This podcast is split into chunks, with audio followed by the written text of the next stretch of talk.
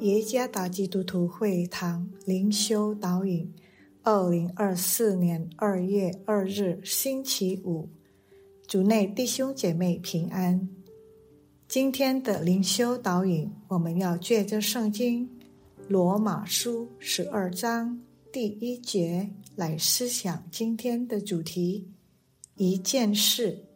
作者朱思杰传道。罗马书十二章第一节，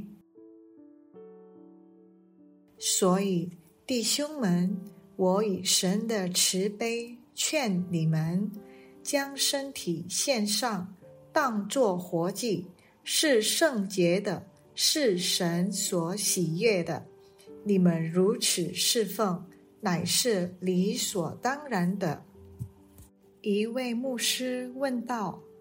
你认为人类最想从神那里得到什么？一位男士如此回答：“一生有福，财源广进。”那么，如果我问你，神从你身上最希望的是什么？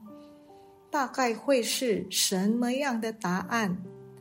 那人想了想，然后回答。是因群到教会和奉献吗？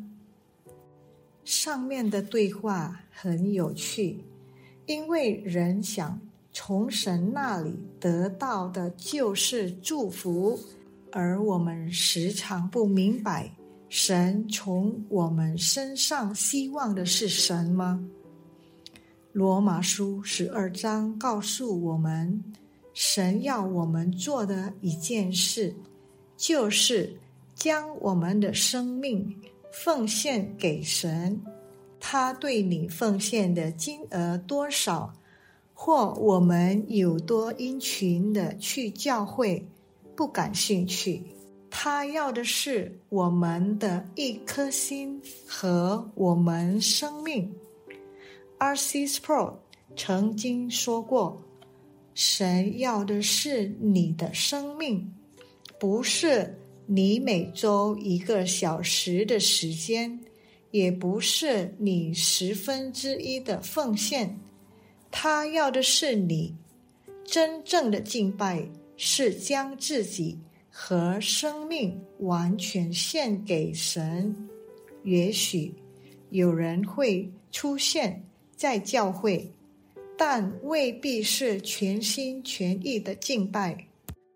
我们的生命又如何呢？我们是否已将生命献给了他，让我们成为将自己献给神的信徒？透过使用神所赐给我们的恩赐来侍奉并荣耀他的名，甚至奉献自己，成为他的仆人，全职服侍。